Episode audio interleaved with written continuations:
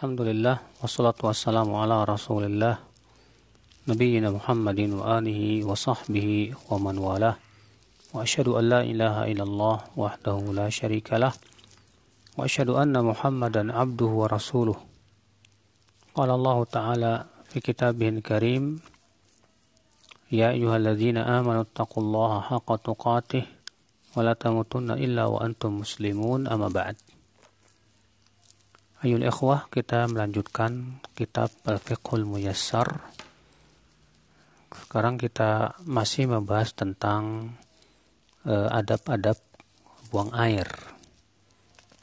Kita masuk ke al-mas'alah tsaniyah, masalah yang kedua, istiqbalul qiblah wastidbaruha hala qada'il hajah.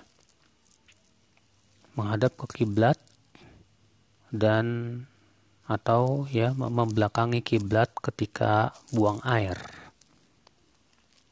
Bagaimana hukumnya? Kata beliau, la yajuzu istiqbalul qiblah walas walas walas walas tidbaruha. Qada'il hajah fi sahra bila hail. Tidak boleh menghadap kiblat dan tidak boleh juga membelakangi kiblat ketika buang hajat ya di padang pasir tanpa ada penghalang. Jadi ya penulis buku ini merojihkan ya bahwa yang tidak boleh itu adalah apabila di tempat terbuka tanpa ada penghalang.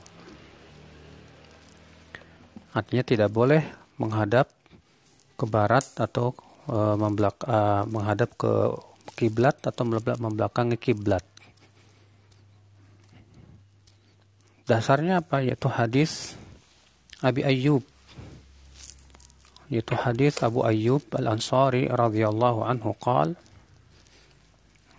Qala Rasulullah sallallahu alaihi wasallam Rasulullah SAW sabda Iza ataitumul ghaita fala tastaqbilul qiblah wala tastadbiruha walakin syarriqu aw gharribu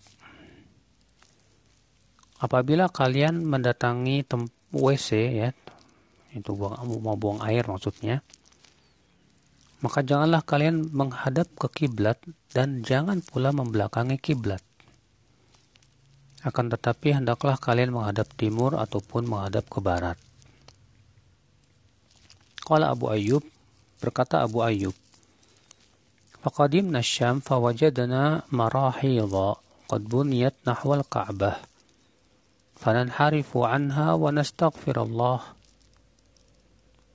Lalu kami pun datanglah ke Syam dan kami dapati ternyata toilet-toilet di sana itu telah dibangun menghadap ke Ka'bah. Maka kami pun menyimpang dari Ka'bah, maksudnya tidak menghadap ke Ka'bah. Dan kami pun memohon ampun kepada Allah Subhanahu wa taala. Dikeluarkan Bukhari dan Muslim.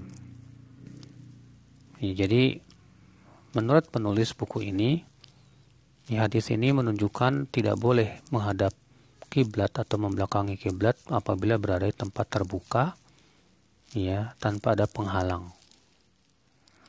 Padahal kalau kita perhatikan pemahaman sahabat Abu Ayyub justru malah yang memahaminya secara mutlak. Artinya tidak boleh menghadap ke kiblat ataupun membelakangi kiblat baik di dalam ruangan ataupun di tempat terbuka, tidak ada bedanya. Sebab Abu Ayub mengatakan kami mendatangi Syam dan kami mendapati toilet-toilet dibangun.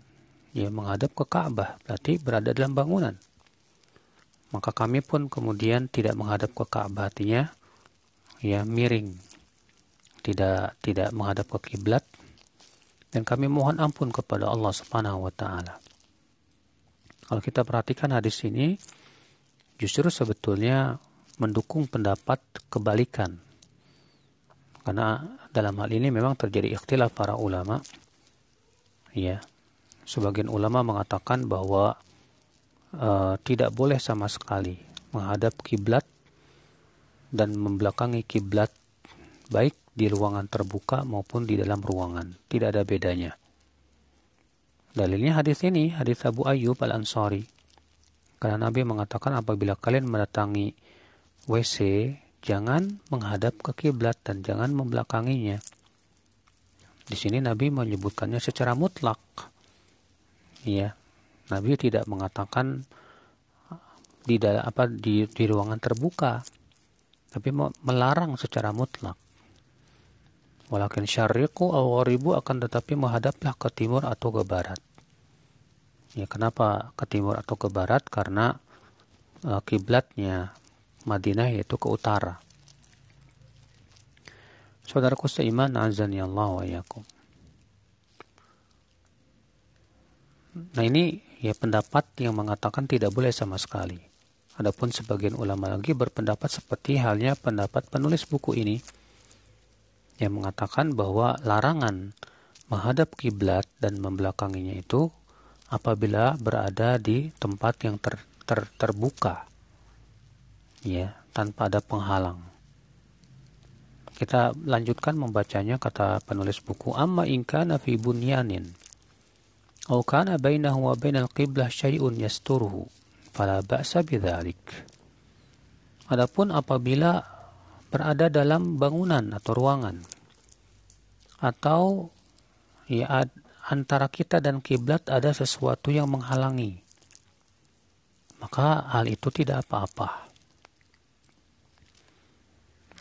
Li hadis Ibnu Umar berdasarkan hadis Ibnu Umar semoga Allah meridainya anna ra'a Rasulullah SAW yabulu fi baitihi mustaqbil syam mustadbir al-Ka'bah. Bahwa Ibnu Umar melihat Rasulullah SAW kencing di rumahnya dalam keadaan menghadap ke Syam dan membelakangi Ka'bah. Ya. Sehingga Ibnu Umar memahami berarti larangan menghadap dan membelakangi Ka'bah itu kalau di luar ruangan, di tempat terbuka. Adapun kalau dalam tempat terbuka maka itu eh, tidak di dalam tempat tertutup maka itu boleh. Ini pemahaman Ibnu Umar. Ini kata penulis buku wali hadis Marwan al Asqar juga berdasarkan hadis Marwan al Asqar yang berkata anakho Ibnu Umar ba'irahu mustaqbil qiblah. Bahwa Ibnu Umar menderumkan uh, untanya ya di arah kiblat Sumajala saya bulu, kemudian ia pun kencing menghadap unta tersebut yang berada di arah kiblat. Lalu aku berkata, Ya Abu Abdurrahman, alaysa qad nuhiya an hadha? Wahai Abu Abdurrahman, bukankah sudah dilarang? Ya. Kata Ibnu Umar, bala iya, inama nuhiya an hadha fil fadha. Amma idza kana bainaka wa bainal qiblah syai'un yasturuka fala ba's. Itu dilarang kalau berada di tempat terbuka Adapun apabila antara kamu dan kiblat ada sesuatu yang menghalang, menghalangimu, maka tidak apa-apa. Akan tetapi, ya harus kita perhatikan. Pertama, bahwa yang Rasulullah SAW sampaikan kepada umatnya adalah larangan secara mutlak. Nabi mengatakan kepada umatnya, kepada para sahabatnya, Apabila kalian buang air, jangan menghadap kiblat dan jangan membelakanginya. Mutlak. Nabi tidak pernah mengatakan ya di ruang terbuka. Adapun di ruang tertutup boleh. Nabi tidak pernah mengatakan begitu. Ya, dan hadis yang mutlak harus dibawa kepada kemutlakannya. Tidak boleh dikhususkan ya dengan tempat tertentu tanpa dalil. Lalu bagaimana dengan hadis Ibnu Umar? Bahwa Ibnu Umar pernah melihat Rasulullah SAW kencing di dalam rumah, mem membelakangi Ka'bah. Ya, pertama, Ibnu Umar melihatnya itu tidak sengaja. Di mana Ibnu Umar waktu itu sedang naik ke atap rumah Hafsah dan tak sengaja melihat Rasulullah SAW sedang buang air. Ini perbuatan Rasulullah SAW. Dan kaidah usul fikih menyebutkan apabila bertabrakan antara ucapan Rasulullah dengan perbuatan Rasulullah, maka yang lebih dahulukan adalah ucapan, bukan perbuatan. Sementara ucapan Nabi tegas kepada para sahabatnya.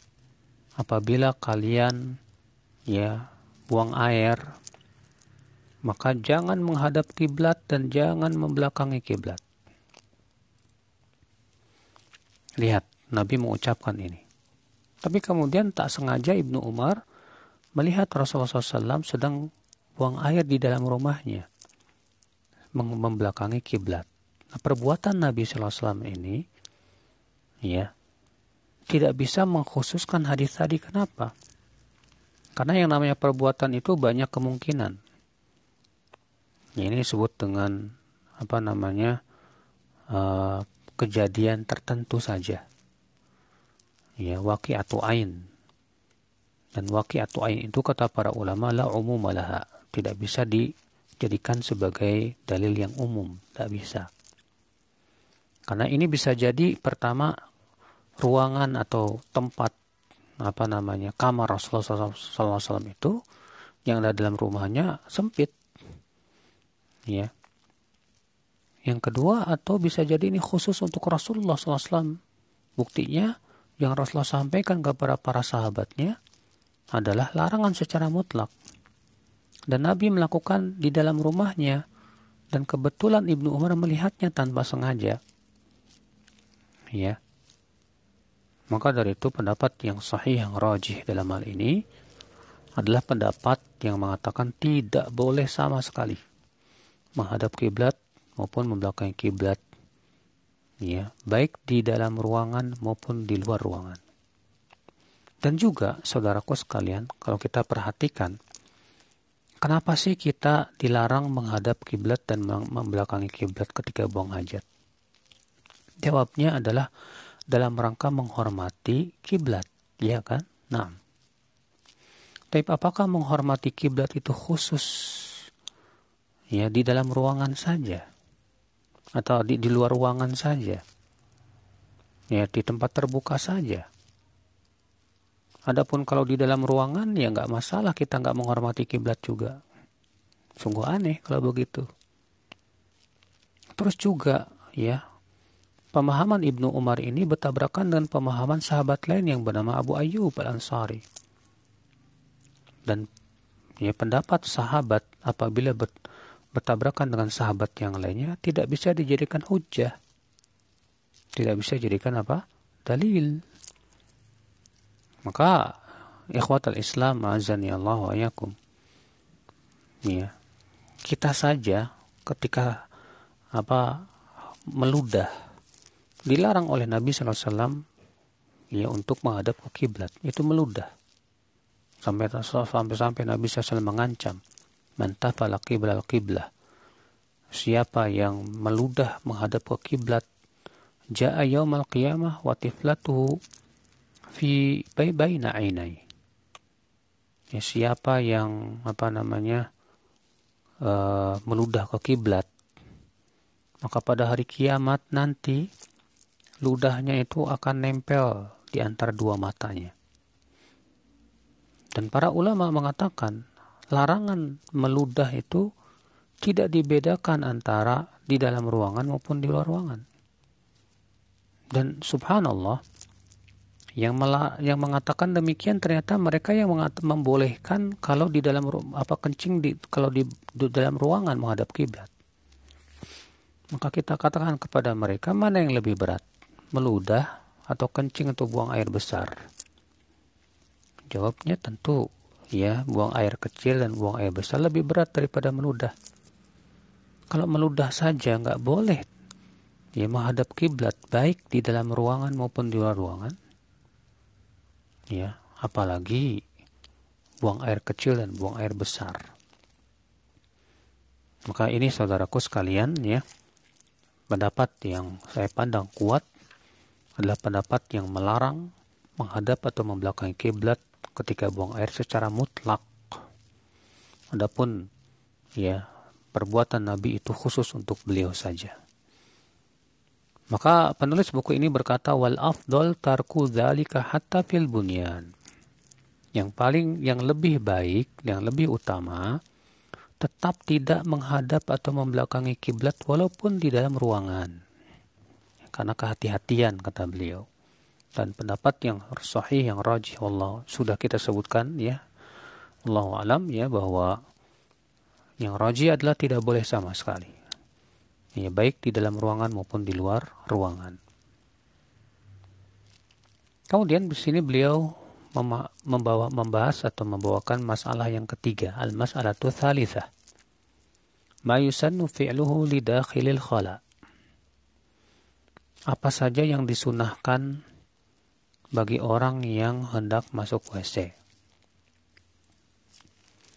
Kata penulis buku Yusannu lidakhilil khala qawlu bismillah Allahumma inni a'udhu bika minal khubuthi wal khaba'ith.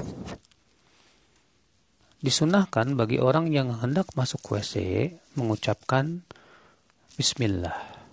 Allahumma inni a'udhu bika minal khubuthi wal khaba'ith. Ya Bismillah, Ya Allah, sesungguhnya aku berlindung kepada engkau dari khubus. Apa itu? Yaitu jin laki-laki, setan laki-laki. Wal khaba'ith, itu setan atau jin perempuan. Ya. Nah ini disundahkan ketika masuk WC membaca itu. Adapun ucapan bismillah ini bisa menghalangi pandangan para jin sehingga tidak bisa melihat aurat kita. Ya sebagaimana disebutkan dalam hadis demikian. Lalu kemudian kita berlindung dari jin laki-laki dan wanita karena mereka juga punya ketertarikan kepada ya manusia. Ya, jin wanita ada ketertarikan kepada manusia laki-laki dan jin laki-laki ada ketertarikan kepada ya manusia wanita. Maka kita berlindung kepada Allah karena WC atau ya toilet itu memang kata para ulama makwa ya asyayatin tempat tinggalnya setan. Tempat di mana? Yaitu di toilet. Ya jadi antum jangan betah lama-lamaan di toilet tuh. Kadang sebagian orang ada yang betah lama-lamaan di toilet. Padahal di toilet itu adalah tempat tinggalnya apa? Para setan para jin. Ya na'udzubillah. Kemudian kata beliau wa indal intiha wal khuruj dan ketika kita telah selesai ya dari buang air wal khuruj lalu kita hendak keluar WC ucapkan gufranaka. Ya aku memohon ampunanmu ya Allah. Kenapa kok keluar WC kita disuruh minta ampun kepada Allah? Sebagian orang mengatakan kita minta ampun kepada Allah karena selama di, di WC kita tidak mengingat Allah. Jawab ini pendapat yang lemah. Kenapa? Karena memang di WC tidak boleh kita mengingat Allah. Karena itu dilarang oleh syariat. Ya maka itu tidak termasuk dosa. Sehingga tidak sesuai dengan ucapan aku mohon ampunan kepadamu. Lalu apa dong hikmahnya? Kenapa kita ketika keluar WC setelah buang air itu disuruh mengucapkan gufranaka? Al-Imam Ibnu Qayyim memberikan sebuah hikmah. Apa hikmahnya? Yaitu ketika kita buang air, kita sudah mengeluarkan unsur yang membahayakan tubuh kita. Ya. Ketika kita buang air berupa kencing ataupun ya buang air besar ya itu kan zat-zat uh, yang berbahaya untuk tubuh kita dan harus dikeluarkan. Maka ketika kita sudah membersihkan badan kita dari ya unsur yang membahayakan tubuh kita, maka kita pun segera membersihkan hati kita ya dari hal yang bisa membahayakan hati kita yaitu dosa dengan cara kita minta ampun kepada Allah. Sehingga pada waktu itu kita ya mendapatkan dua kebersihan sekaligus. Bersih badan kita dari racun, ya, bersih hati kita juga dari dosa. Subhanallah. Ini tentu hikmah yang sangat agung sekali ya dari syariat Rasul, syariat Islam yang Allah turunkan kepada Rasulullah SAW. Lalu penulis buku berkata wa taqdimu rijlihil yusra inda dukhul wal yumna inda khuruj Dan disunahkan mendahulukan kaki kiri ketika masuk WC. Dan disunahkan mendahulukan kaki kanan ketika keluar WC. Wa alla yakshif auratahu hatta yadnuwa minal ard. Dan agar tidak membuka auratnya sampai dia mendekat ke bumi. Ini kalau berada di ruangan terbuka. Ya, seperti misalnya ada orang yang buang air di padang pasir ya. Maka dia angkat kainnya ketika dia sudah mulai mendekat ke bumi. Ya. Adapun kalau berada dalam toilet yang tertutup rapi, nggak masalah. Kemudian kata penulis buku wa idza kana fil fadha yustahabbu lahu al-ib'ad wal istitar hatta la yura. Apabila buang airnya itu di tanah terbuka, lapang di tanah lapang, maka disunahkan untuk menjauh dan menutupi diri hingga tidak terlihat. Wa adillatu dzalika kullihi dalil-dalilnya adalah di antaranya hadis Jabir radhiyallahu anhu ia berkata kharajna ma'a Rasulullah SAW fi safarin Wa kana Rasulullah SAW la ya'til baraza hatta yataghayyab fala yura. Kami, kata Jabir, pernah keluar bersama Rasulullah SAW dalam sebuah safar perjalanan. Dan adalah Rasulullah SAW tidaklah mendatangi ya buang air, tidaklah beliau buang air hingga beliau pergi jauh tak terlihat. Ini dikeluarkan Abu Daud dan syaratnya sahih. Demikian pula hadis Ali. Ia berkata Rasulullah SAW bersabda, Sitrun ma bainal jin wa aurat bani Adam, idha dakhala al-khala an yaqula bismillah. Ya, di sini beliau hendak menyebut, menyebutkan dalil tentang disyariatkannya membaca bismillah. Itu sabda Rasulullah SAW, penutup antara jin dan aurat anak Adam apabila masuk WC yaitu mengucapkan bismillah. Dan hadis Anas adalah Nabi SAW apabila masuk WC mengucapkan Allahumma inni a'udzubika minal khubuth wal khaba'ith.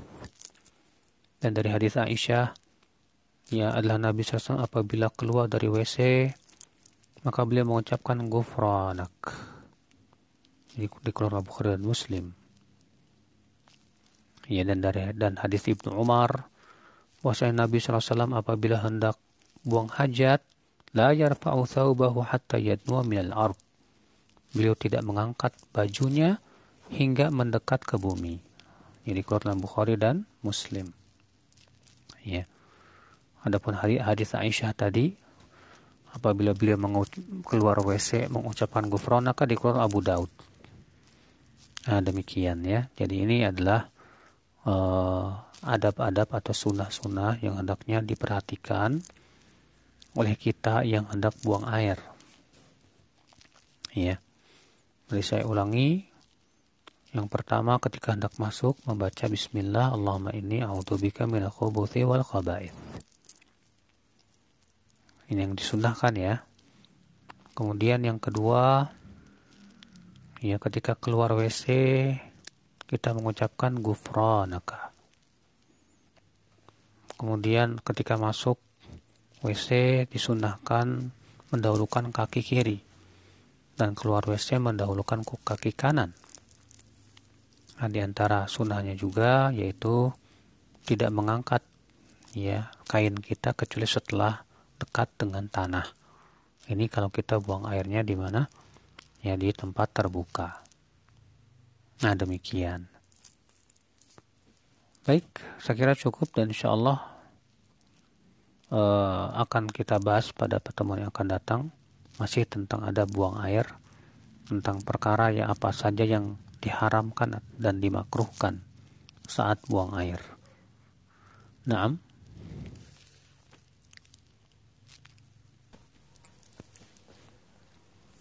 Ya, uh, Taib izin melanjutkan Ustaz. Uh, kita masuk ke sesi tanya jawab. Uh, silakan bagi ikhwani wa ikhwati fillah yang ingin ber, mengajukan pertanyaan dengan menekan tombol raise hand. Dipersilahkan.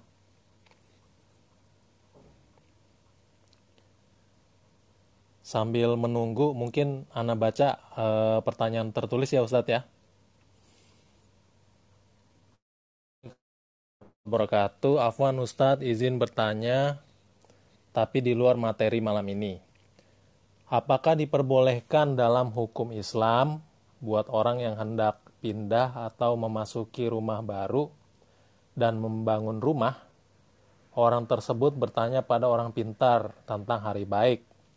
Misalnya kalau hari Senin baik dan hari lainnya tidak baik karena bertentangan dengan tanggal lahir atau lahir orang tersebut. Apakah ini termasuk syirik? Mohon penjelasannya Ustadz. Syukron jazakallahu khairan. Ini ya perbuatannya mengandung dua dosa. Dosa yang pertama, dosa mendatangi dukun. Ya. Di mana Nabi SAW mengancam man atakahinan fasaddaqahu bima yaqul faqad kafara bima unzila ala Muhammad sallallahu alaihi wasallam siapa yang mendatangi dukun dan ia membenarkan ucapan si dukun, sungguh ia telah kafir kepada apa yang diturunkan kepada Nabi Muhammad sallallahu alaihi wasallam. Ikutlah Abu Daud. Dan dalam riwayat Muslim disebutkan man ata kahinan lam tuqbalahu salatun arba'ina lailah. Siapa yang mendatangi dukun, salatnya tidak akan diterima selama 40 hari. Subhanallah, Berat sekali dosa orang yang mendatangi dukun itu, saudaraku. Sudah begitu, ya, dia mau bertanya tentang hari baik, hari sial. Dalam Islam tidak ada hari baik dan hari sial. Yang memberikan kesialan hanya Allah Subhanahu wa taala. Siapa yang punya keyakinan bahwa ada hari sial dan hari baik, maka itu dia jatuh kepada syirik yang disebut dengan tafayur. Maka hati-hatilah sudahlah dia mendatangi dukun dan itu dosanya berat. Dia pun juga bertanya tentang hari baik dan hari sial. Sudah gitu dia membenarkan ucapan si dukun wah ini berat ya di mata Allah azza wa jal. Demikian.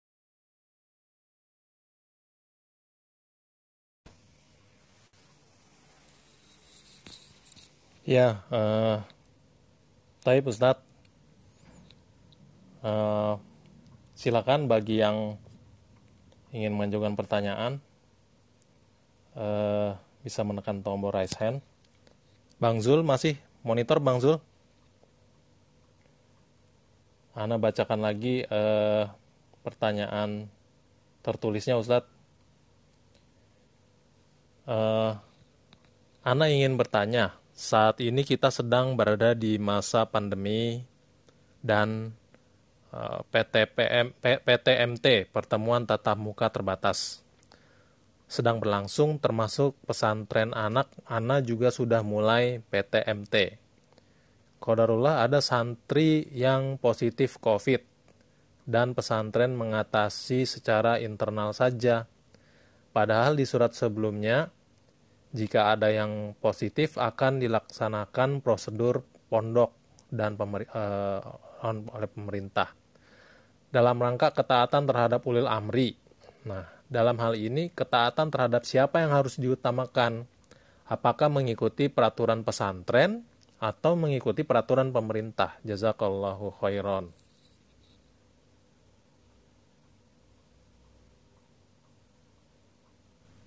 Iya.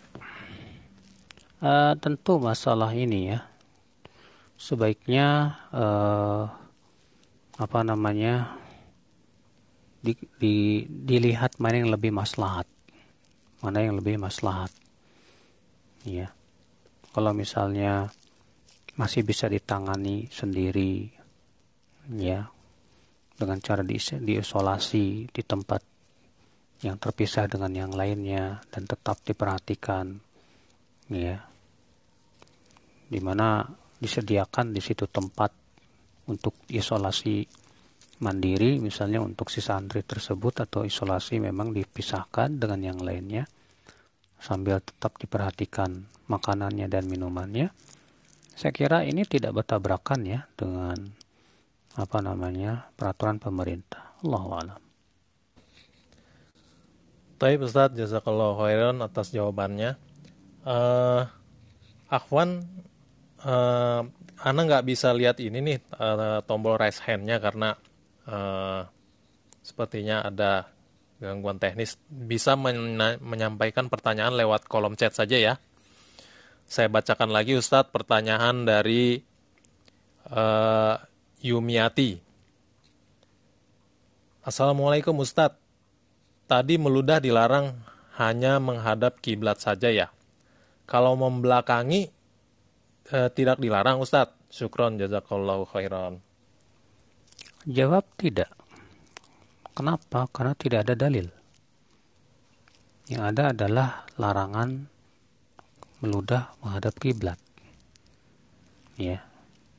Maka karena tidak ada dalil yang melarang untuk meludah membelakangi kiblat, maka pada waktu itu tidak boleh kita katakan bahwa itu terlarang. Karena masalah boleh atau tidak boleh dalam masalah syariat itu hanya dikembalikan kepada pemilik syariat ini yaitu Allah Azza wa Jal. Adapun kita, kita tidak berhak ya untuk menetapkan hanya sebatas dengan akal pikiran kita. Demikian. Syukron Ustadz atas jawabannya. Uh, Jazakallah khairan. Pertanyaan selanjutnya uh, kami bacakan lagi. Bismillah, Assalamualaikum warahmatullahi wabarakatuh. Barakallahu fiqh Ustadz izin bertanya Apakah jika seorang anak terlanjur memakai nama dengan dengan nama Fergi Al-Karim, usianya 7 tahun, sebaiknya diganti saja Ustadz namanya, karena uh, pada ak akhirnya orang tua orang tua mereka baru memahami arti Al-Karim uh, hanya untuk Allah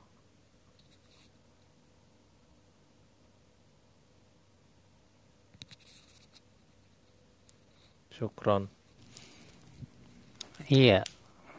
Iya, bagusnya diganti dengan menyebut Abdul Karim. Iya. Karena kata Al-Karim ini memang untuk Allah Subhanahu wa taala secara mutlak. Ya. Maka dari itu yang lebih bagus, yang lebih baik adalah diganti namanya dengan dengan nama Abdul Karim. Demikian. Ya. Syukran Ustadz Ustadz jawabannya. Silakan bagi ikhwani wa ikhwati filah yang ingin mengajukan pertanyaan dengan menggunakan kolom chat. Dipersilakan.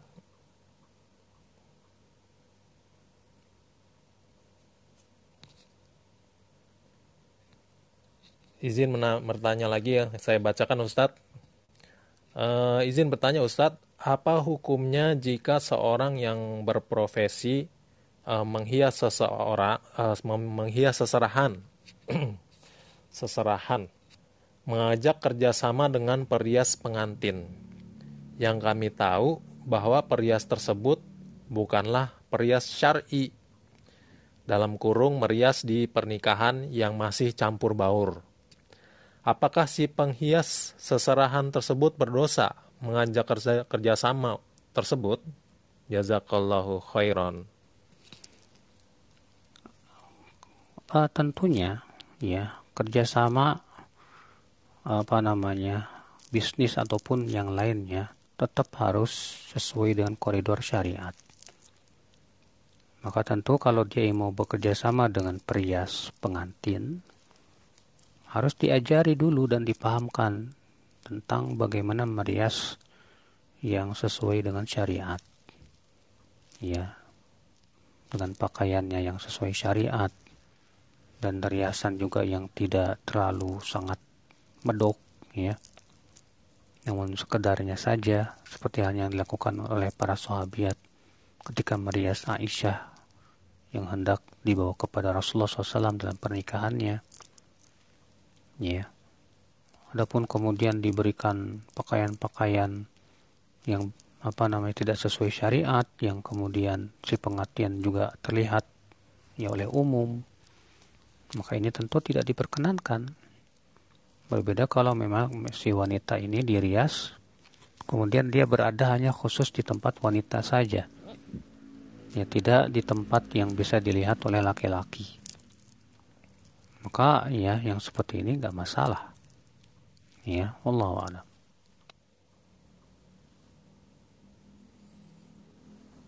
Uh, syukran Ustadz, Ustadz uh, jawabannya pertanyaan selanjutnya.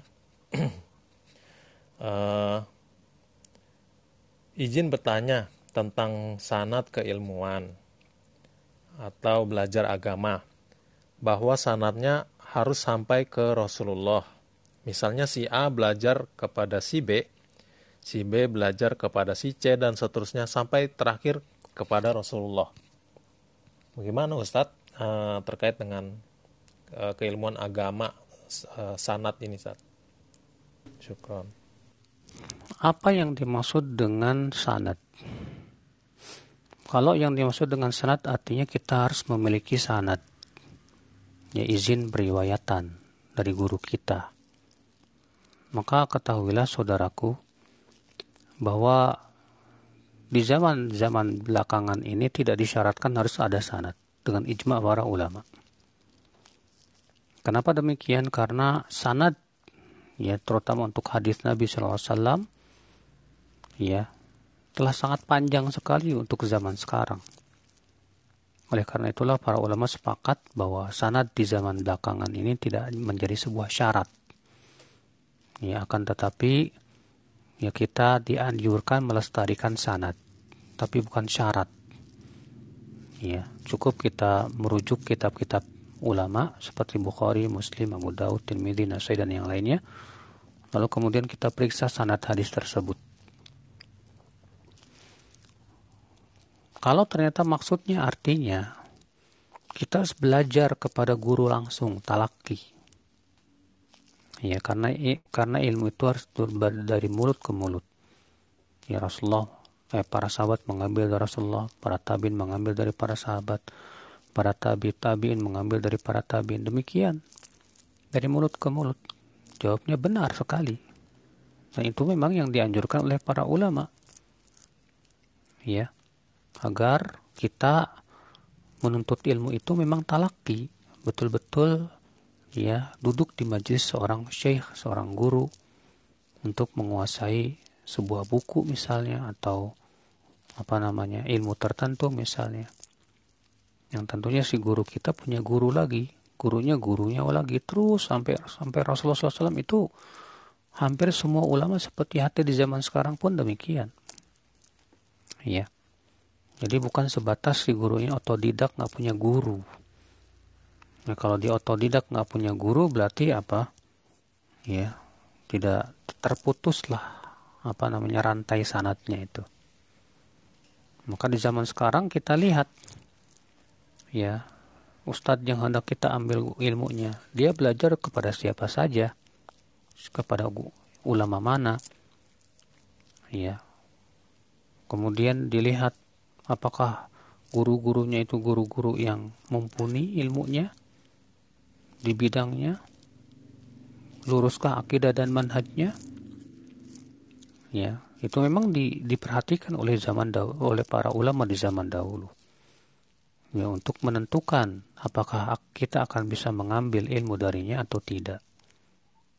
Nah, demikian Allah a'lam. Pertanyaan selanjutnya tentang janais. Uh, Bismillahirrahmanirrahim. Maaf mau bertanya. Uh, mereka membuat tim untuk memandikan jenazah. Lalu mereka menjual kafan dan perlengkapannya misal dengan harga 400 ribu. E, untuk memandikan dan mengkafani tidak dipungut biaya apa pun. Tapi suka ada yang kasih uang lebih dari harga kafan dan perlengkapan jenazah. Apakah uang dari kelebihannya itu bisa digunakan untuk hal lain? Mengingat itu amanah dari orang lain dalam rangka sedekah Apakah uangnya bisa digunakan untuk menyumbang masjid, e, memberi makan anak yatim, duafa, atau untuk keperluan pesantren dan lain-lain. Kalau uang itu tidak digunakan artinya akan menumpuk dan tidak ada manfaatnya. Karena itu uang lebih dari hasil penjual, uh, penjualan kafan. Sebaiknya bagaimana Ustadz? Jazakallahu khairan. Sebaiknya disedekahkan ya dan diniatkan buat si mayat pahalanya. Ya demikian. Berarti boleh ya Ustadz ya? Iya nggak apa-apa. Taib, uh, ya Ustadz uh, sepertinya uh,